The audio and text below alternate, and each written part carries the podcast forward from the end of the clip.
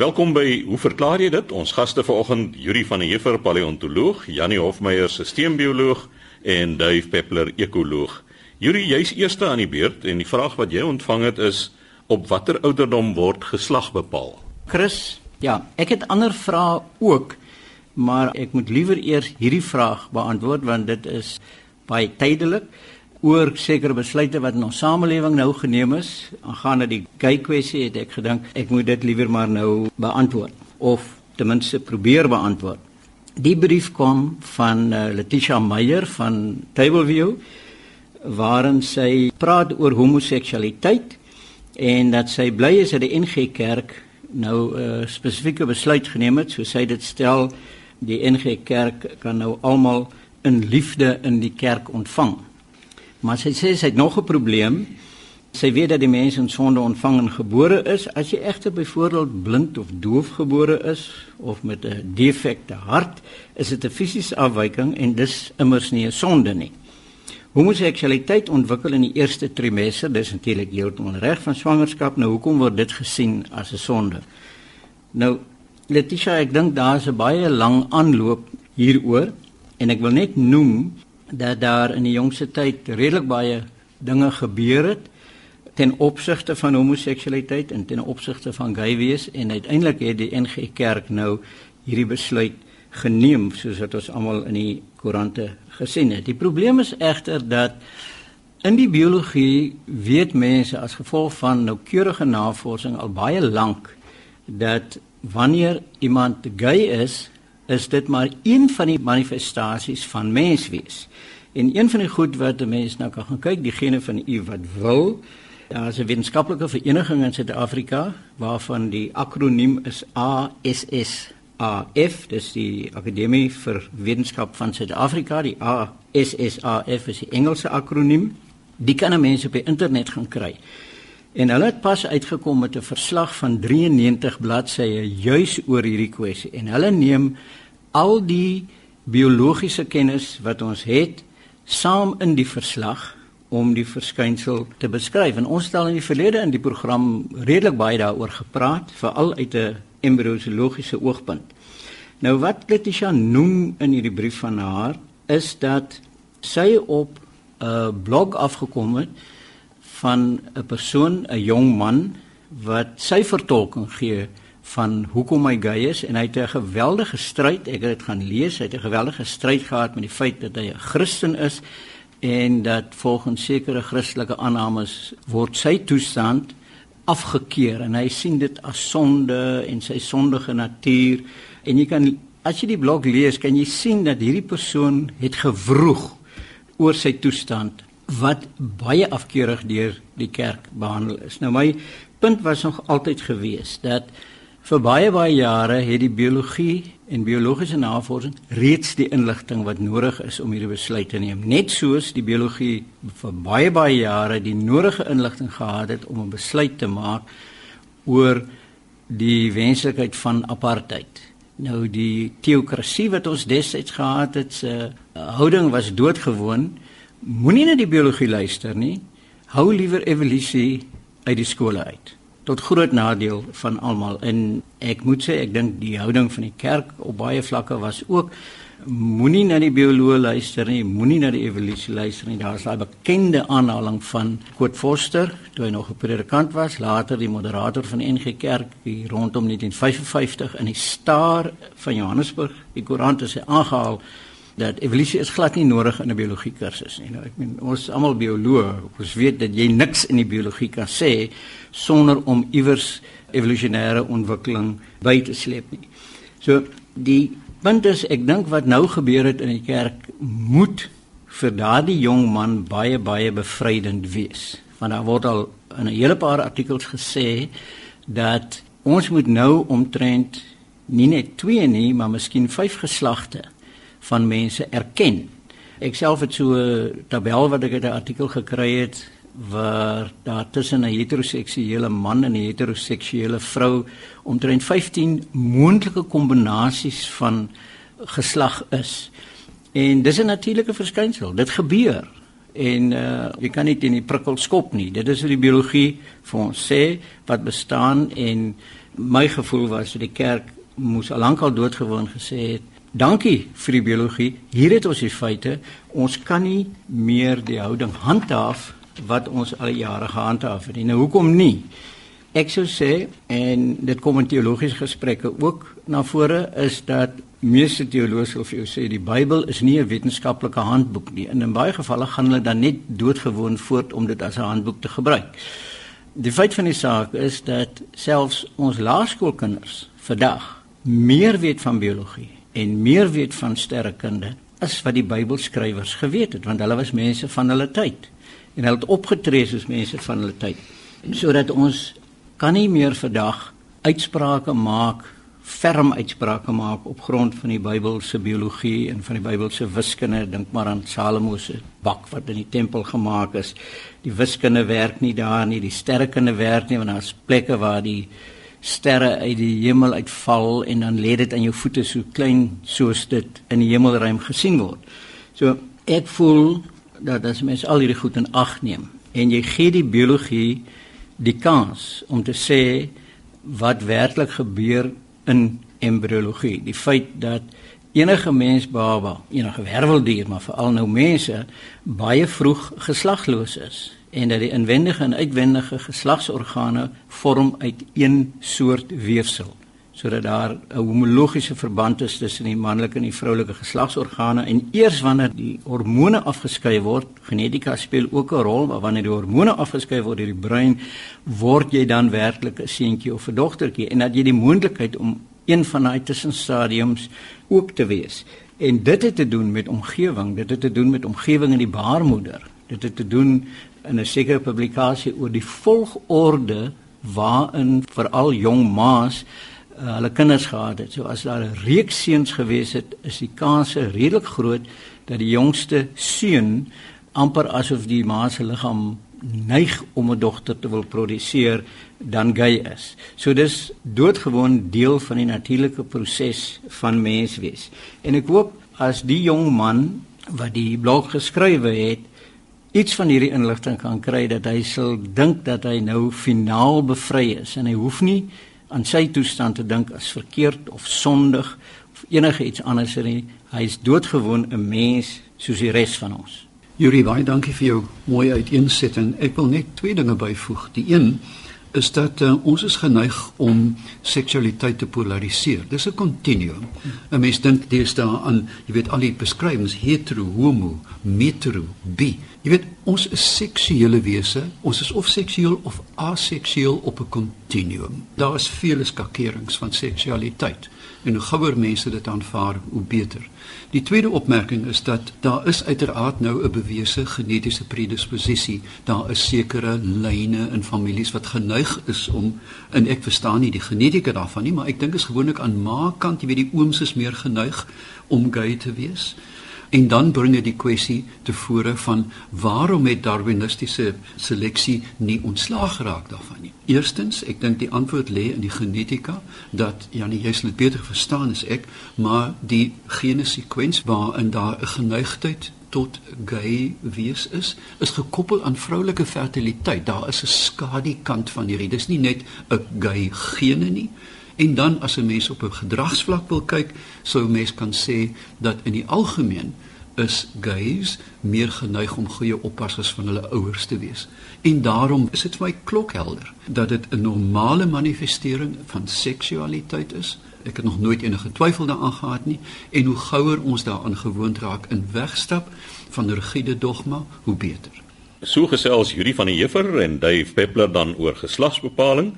Dave, jy het twee onderwerpe daar, die een handel oor lugplante en die ander een oor vleermuise. Chris, ja, ek het 'n brief ontvang van Pierre de Villiers van Kuilsrivier en sê my niggie Tersia Lou van die Parel, ek hou van sulke lekker persoonlike my niggie Tersia Lou het die volgende plant op Facebook geplaas en sy wil weet waarom die ding nooit blom nie en wat is dit plant se naam en wat laat dit blom? Ons ken almal hierdie blouerige lig plant natuurlik uiteraard 'n baie spesifieke een en hierdie is 'n bromelia. Dit is 'n baie interessante plantvorm wat eintlik in die neotrope voorkom. Brasil het die hoogste aantal spesies. Daar is meer as 3000 spesies wêreldwyd in 6 of 57 genera. Die bekendste van hierdie bromelias is uiteraard die pineappel. Mense besef nie dat dit wel 'n bromelia is nie. Dit is in 1453 deur Columbus vir die eerste keer na Europa geneem, toe natuurlik nadat hy die Inkas kaal gesteel het van goud of die rooftog begin het.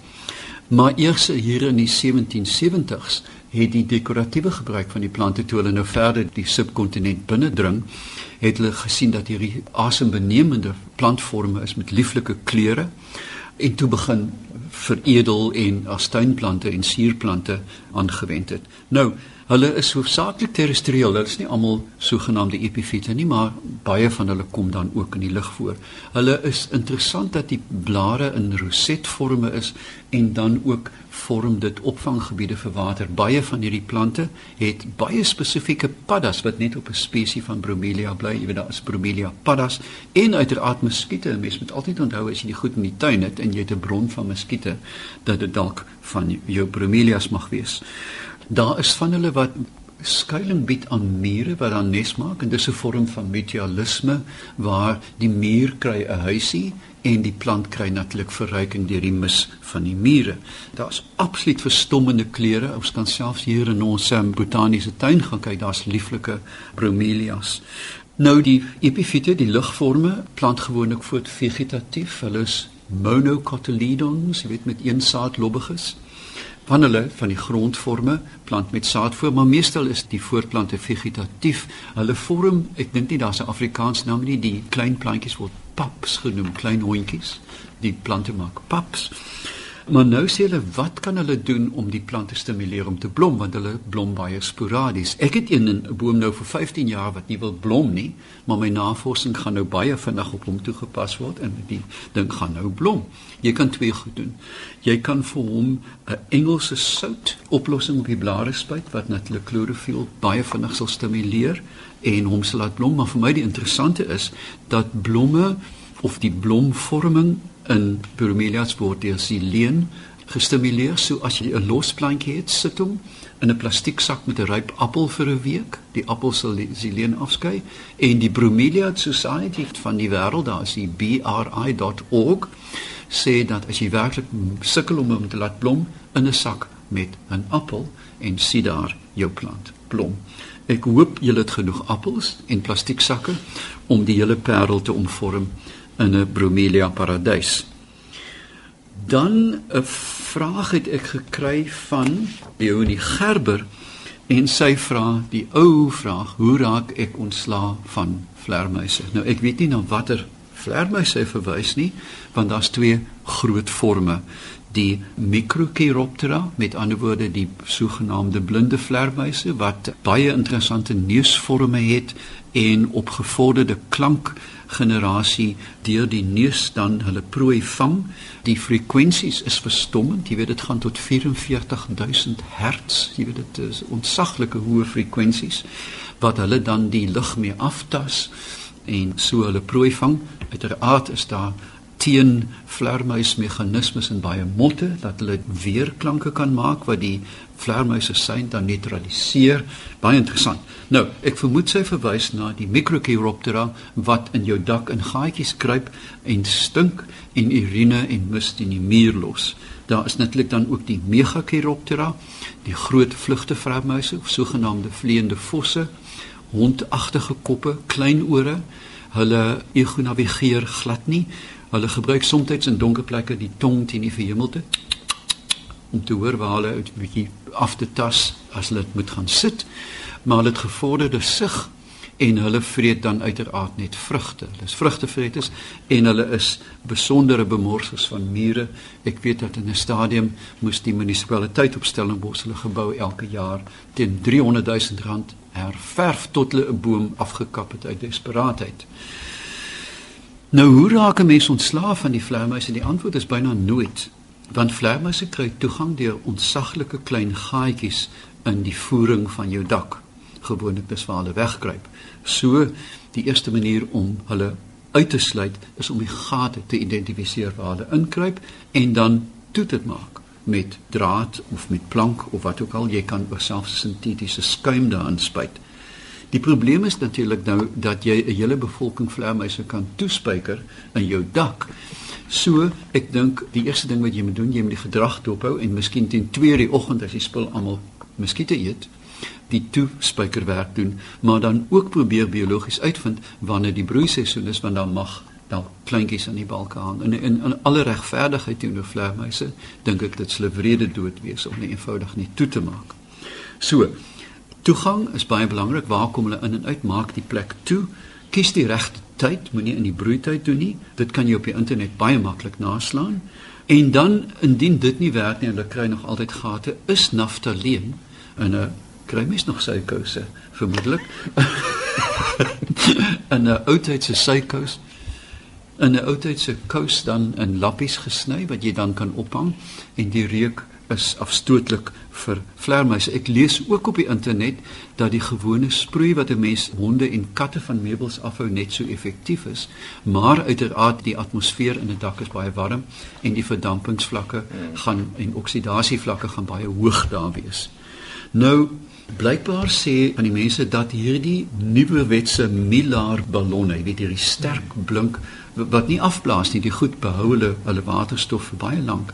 'n Ballon of twee by die ingang ook die vleermuise sal, maar self net die wat kan sien want jy weet jy kan eenvoudig 'n 'n ballon se groot soos die Eiffeltoring daar hang, hulle gaan dit eenvoudig nie sien nie en net daarom navigeer. Ek vermoed dit verwys na vrugtevleermuise.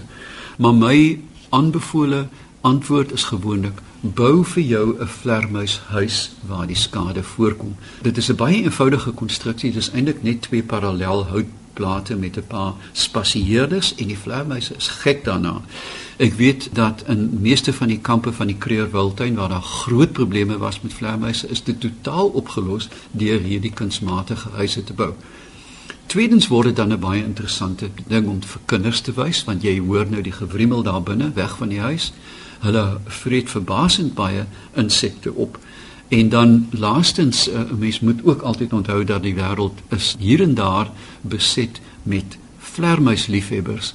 Ek onthou met skok 'n aksiegroep in 'n reuse teologiese kongres in Rome in jare toe toe ek dink dit was die walvis verrigtinge ontwrig is deur 'n spul swart geklede wat gelyk het soos die Engelse noem goths wat die saag binne gestorm het met baniere wat gesê het pipistrello e bello. Vlermuise is mooi dink aan hulle. So ek sou voorstel stop gate toe maar as jy 'n skouspel wil sien bou vir jou 'n vlermuishuis en ek sal dit vanaand op my Facebookblad plant waar mens maklik planne vir hierdie vlermuishuise kan kry So gesels Dave Peppler, ons ekoloog, laaste aan die woord Janie Hofmeyer, sisteembioloog en Janie, jy gesels oor DNA herstelmeganismes. Ja, Chris, dit gaan oor die 2015 Nobelprys vir chemie wat deur drie navorsers gewen is vir hulle werk op DNA herstelmeganismes. Julle weet seker dat elke lewende sel is eintlik maar 'n proteïenfabriek wat derduisende proteïene maak en die inligting vir hoe om hierdie proteïene te maak is dan vasgelê in ons DNA.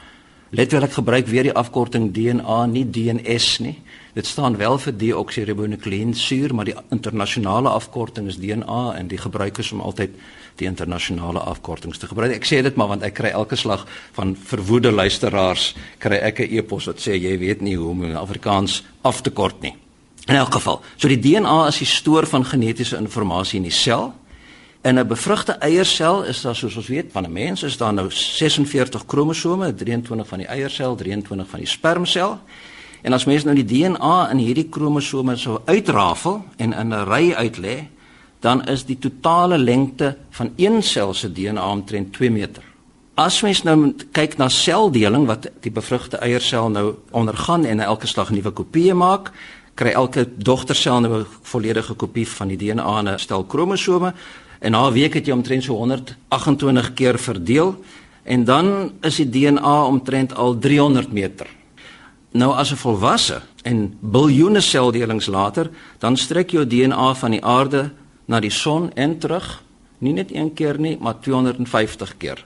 Dit is soveel DNA in terme van lengte in jou liggaam is.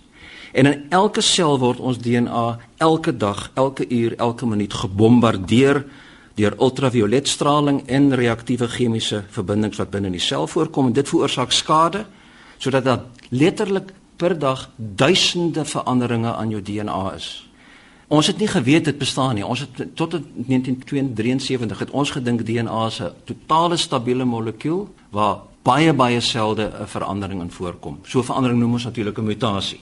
Ons weet nou dat per dag in elke sel is daar duisende veranderinge. Nie net veranderinge as gevolg van skade wat veroorsaak word deur straling en deur verbindings, maar ook in die kopieeringsproses word daar soms foute gemaak. En so hierdie drie Nobelpryswenners met die name van Thomas Lindahl, Aziz Sankar en Paul Modrich het nou deur die afgelope paar dekades drie meganismes ontdek waar hierdie foute in DNA herstel word. En as ons nie hierdie herstelmeganismes gehad het nie, sou lewe op aarde nie moontlik gewees het. Dit is so eenvoudig soos dit.